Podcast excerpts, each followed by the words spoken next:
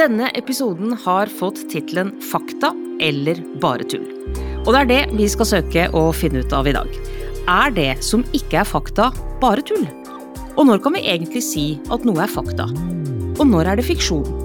Og hva skjer når det er litt av begge deler? Og hvis jeg sier at dette er den beste podkasten om dette temaet, er det da en faktabasert påstand, eller er det min personlige mening? Her er det mye vi trenger svar på. Og heldigvis har jeg god hjelp. Inger Merete Hobbelstad er kommentator og filmanmelder i Dagbladet. Hun skriver også ofte om spørsmål knyttet til ytringsfrihet og kunstnerisk frihet. Kjersti Løken Stavrum er administrerende direktør i stiftelsen Tinius og Blommenholm Industrier. Hun har vært redaktør i bl.a. Aftenposten, hun har vært generalsekretær i Norsk Presseforbund, og hun er leder i Ytringsfrihetskommisjonen. Velkommen begge to. Takk. Tusen takk. Ja, Så skal vi prøve å starte med å få orden på noen ord, og hva disse ordene egentlig inneholder. Kjersti, hva er fakta? Fakta er jo uh, ubestridte uh, påstander, um, eller holdepunkter i tilværelsen. De er det få av. Uh, og, og, det er min tilnærming til, til fakta. Det er at noe kan vi være enige om, som, som at det er sol i dag. Men i det øyeblikket vi sier at det er pent vær i dag, så kan det godt være at vi eh, er glidd over på en meningsytring. Eh, og, eh, og, det gjør jo fakta vanskelig. Dessuten er det også sånn at det som var fakta i går, det kan være feil i dag. Men, men noen ting er, er faktisk f.eks. at det er to minusgrader ute akkurat nå.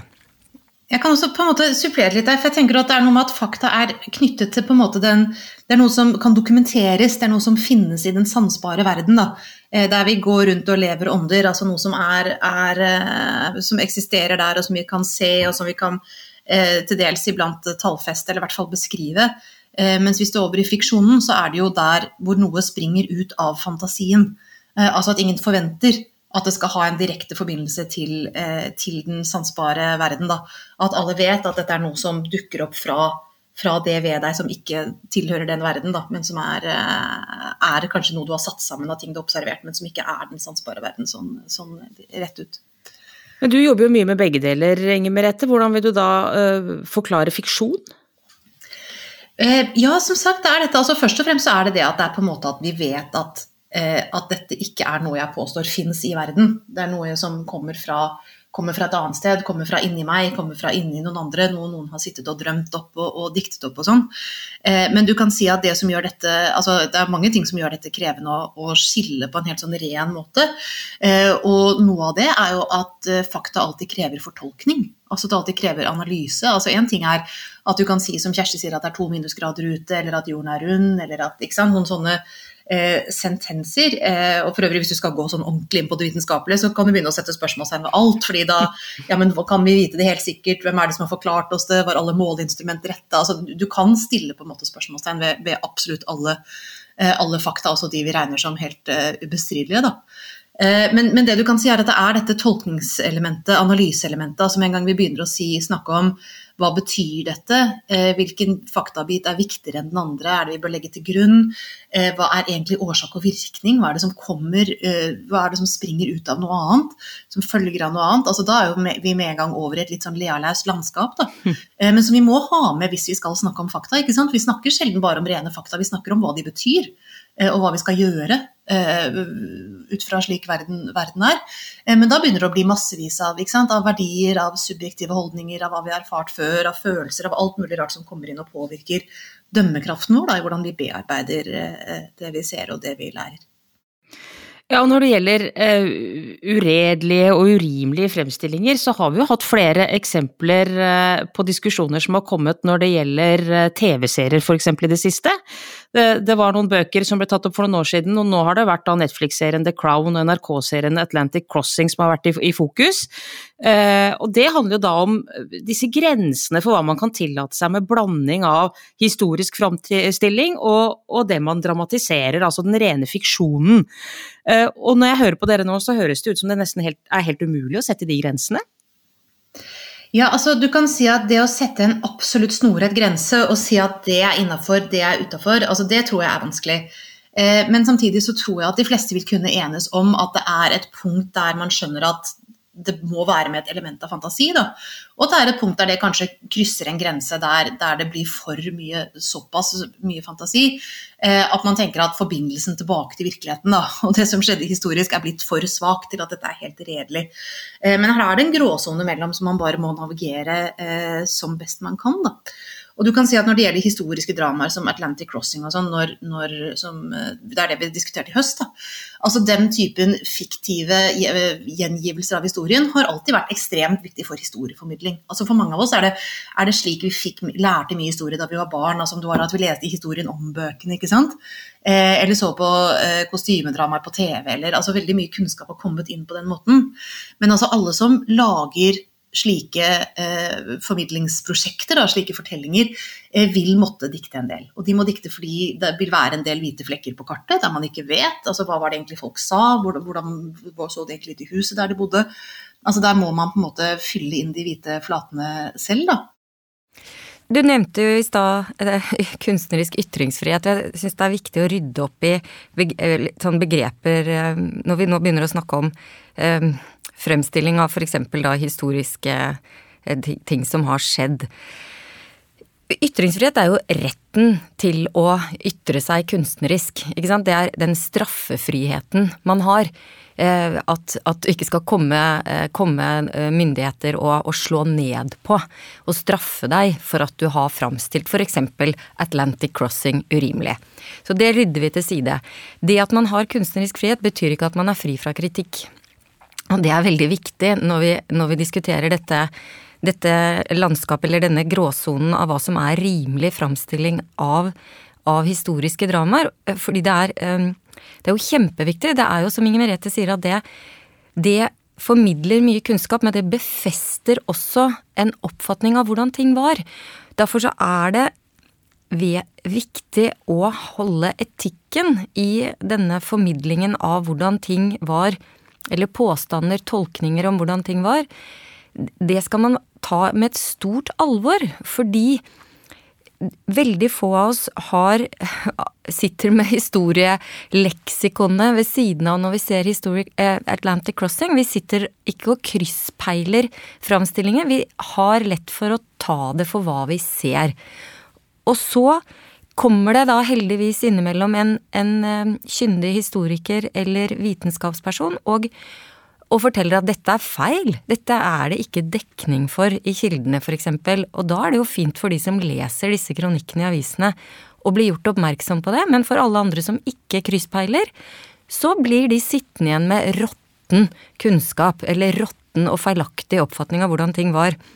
Atlantic Crossing f.eks., hvis det gir Norge en litt for fremskutt rolle i hva som skjedde i internasjonal politikk rundt andre verdenskrig, så er ikke det uproblematisk. ikke sant? Hvis, liksom, eh, hvis dette gir oss en sånn boost på bekostning av, eh, av andre land som gjorde en annen type innsats, hvis vi på en måte sier at nei, det var det den norske kronprinsessen som gjorde, det var det ikke Churchill som gjorde når det gjaldt det Roosevelts beslutning om å gå inn i krigen eh, f.eks. Eh, hvis vi hopper til The Crown, da, så så må jeg innrømme at jeg ble ikke så provosert av den som jeg da kanskje ble av The Atlantic Crossing. Eh, men det jeg syns var interessant eh, med The Crown, var jo at de, de tok seg friheten til å bidra med en en tolkning eh, av eh, prinsesse Diana som gjorde det som, som, gjorde at jeg ble klokere på hvorfor jeg tror det gikk helt galt i det ekteskapet, og at, at hennes væremåte, hennes problemer og hennes liksom manglende kanskje robusthet inn i den rollen, det, det syns jeg de fikk fram på en måte som, som nok var dikt. Eh, og det var kanskje til og med også lett å forstå det, fordi det er jo filming av henne når hun er alene. Situasjoner hvor ikke det er noen til stede. Men, men allikevel så syns jeg at den friheten da var av verdi. Eh, og, og det gjør det jo også Det gjør jo at eh, det er viktig å være dyktig, da. Når man, og, og nettopp være varsom, som Inger Merete sier, når du, når du beveger deg i, i fiksjonens verden. Men hva kan vi som mottakere gjøre for å vurdere hva som er sant og ikke sant? Ja, altså du kan si at på en måte har jo alle felt, altså både på nyhetene og innenfor kunsten og kulturen, blitt mer sammensauset akkurat i dette spørsmålet som vi snakker om nå.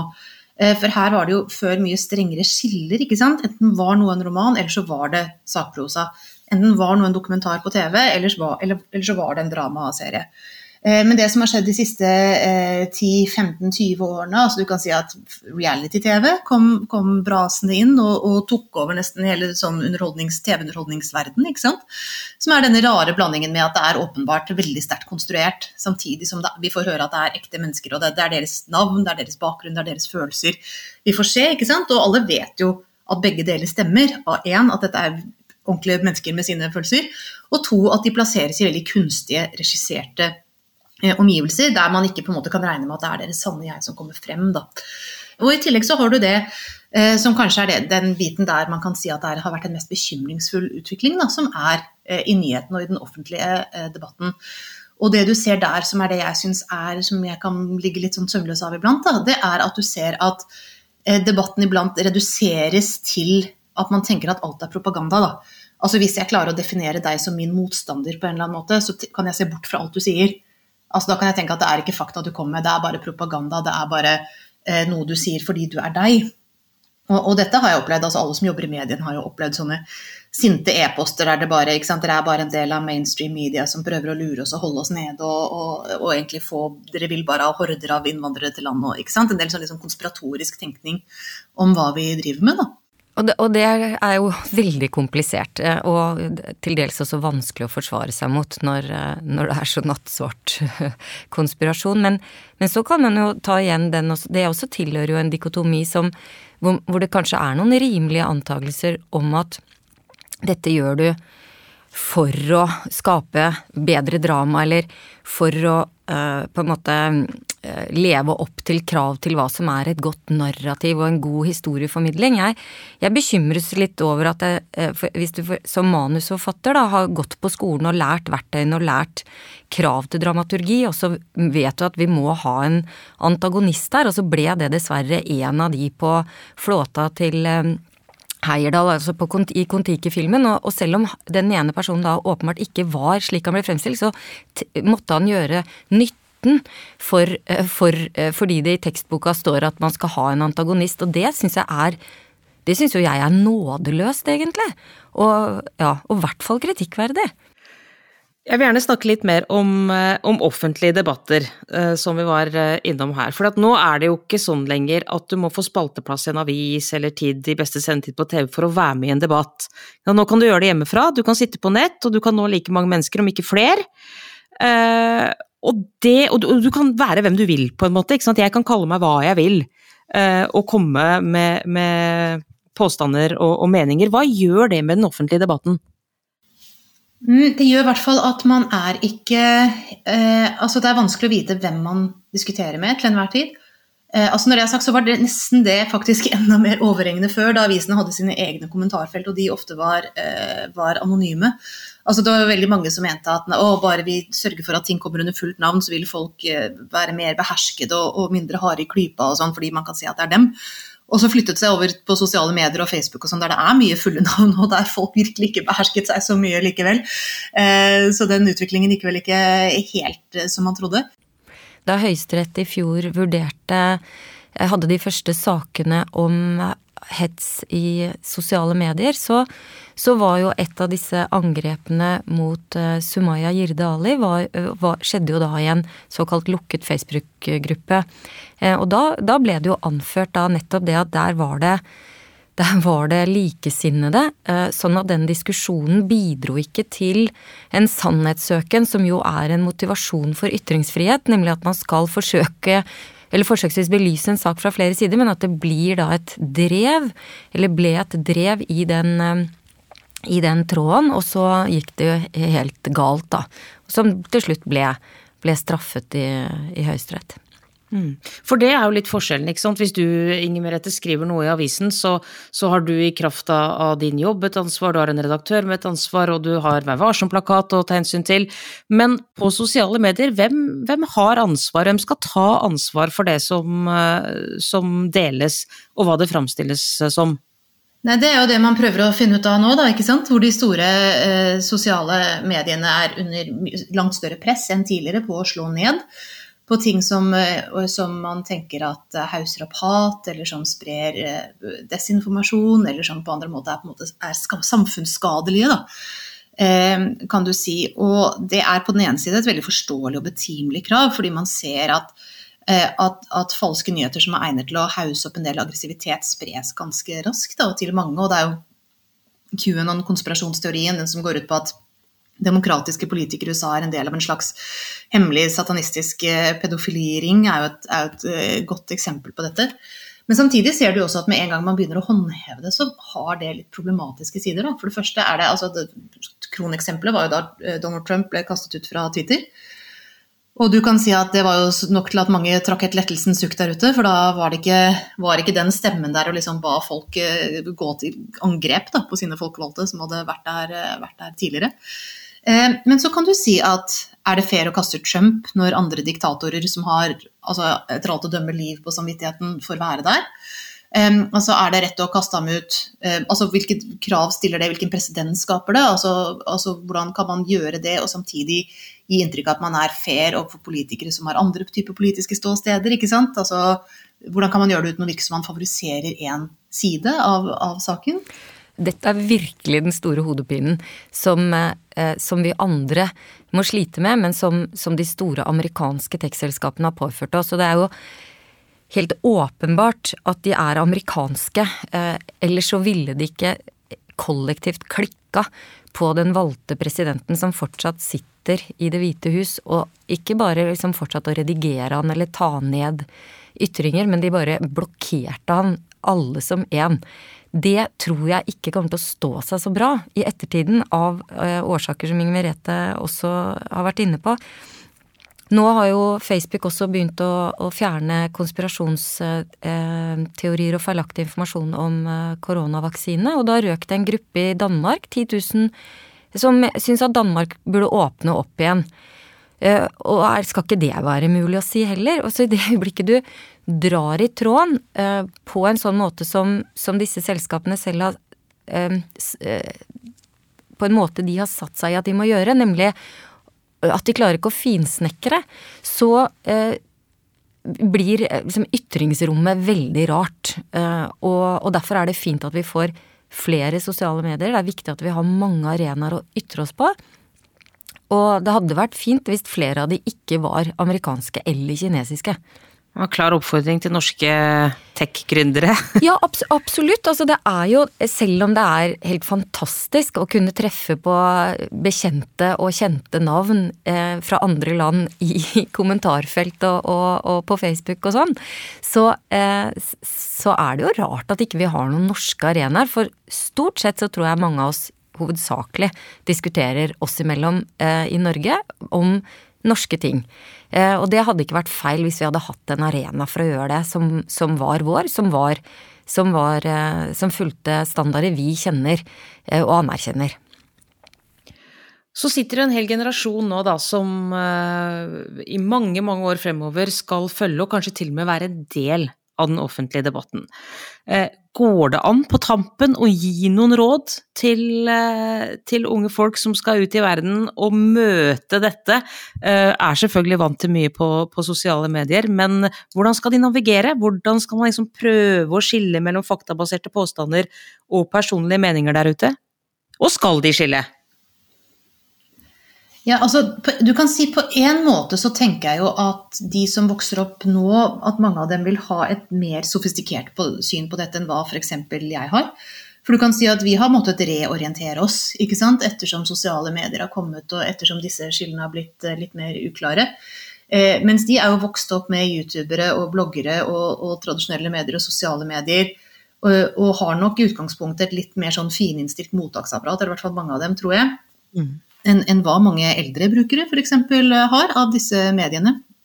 Eh, men, men, det som er noe som jeg tror trenger å læres, og det er også skrevet inn i nye læreplaner for skolen, det er jo bare å være veldig årvåkne og ikke minst alltid være kildekritiske. Altså inkludert til eh, tradisjonelle medier, selvfølgelig. Eh, altså det å på en måte hele tiden stille seg spørsmål når man leser noe, da. Rett og slett å huske at dette har en avsender. Eh, som er et menneske, et feilbarlig menneske som muligens har sine bånd. Eh, det er ikke noe som har kommet eh, dalt ned fra oven. Og at det å alltid ha med seg at ting kommer fra et sted, og at man helst skal vite hvor det stedet er, at det er et godt prinsipp. da. Ja, sånn er det, ikke sant. At man må, må nok bare være forberedt på at dette er ikke enkelt. Det er veldig krevende. Uh, og hvis noe skurrer, uh, så, så, skal man forsøke å lytte til den skurringa. Og så husker jeg, for noen år siden så samlet mediebransjen seg i en kampanje som het Hvor har du det fra? Og det er egentlig en god Hvis du skal bare huske én ting, så er det hvor kommer dette fra?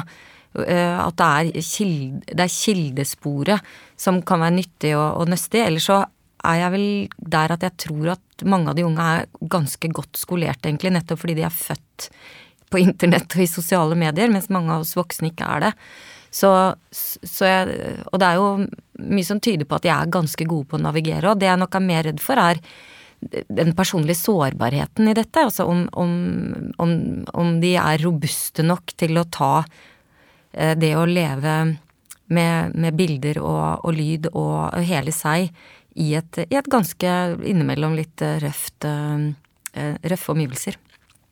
Inger Merete Hobbelstad og Kjersti Løken Stavrum, dette er jo temaer vi kunne snakka om eh, ikke bare i mange timer, men antageligvis både dager og uker. Det er ikke noe, det er ikke noe enkelt, eh, og det er i hvert fall ikke enkelt å konkludere med noe, men ting har i hvert fall blitt eh, litt tydeligere for mange nå.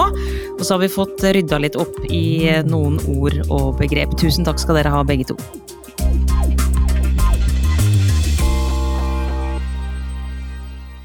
Produsert av både og for av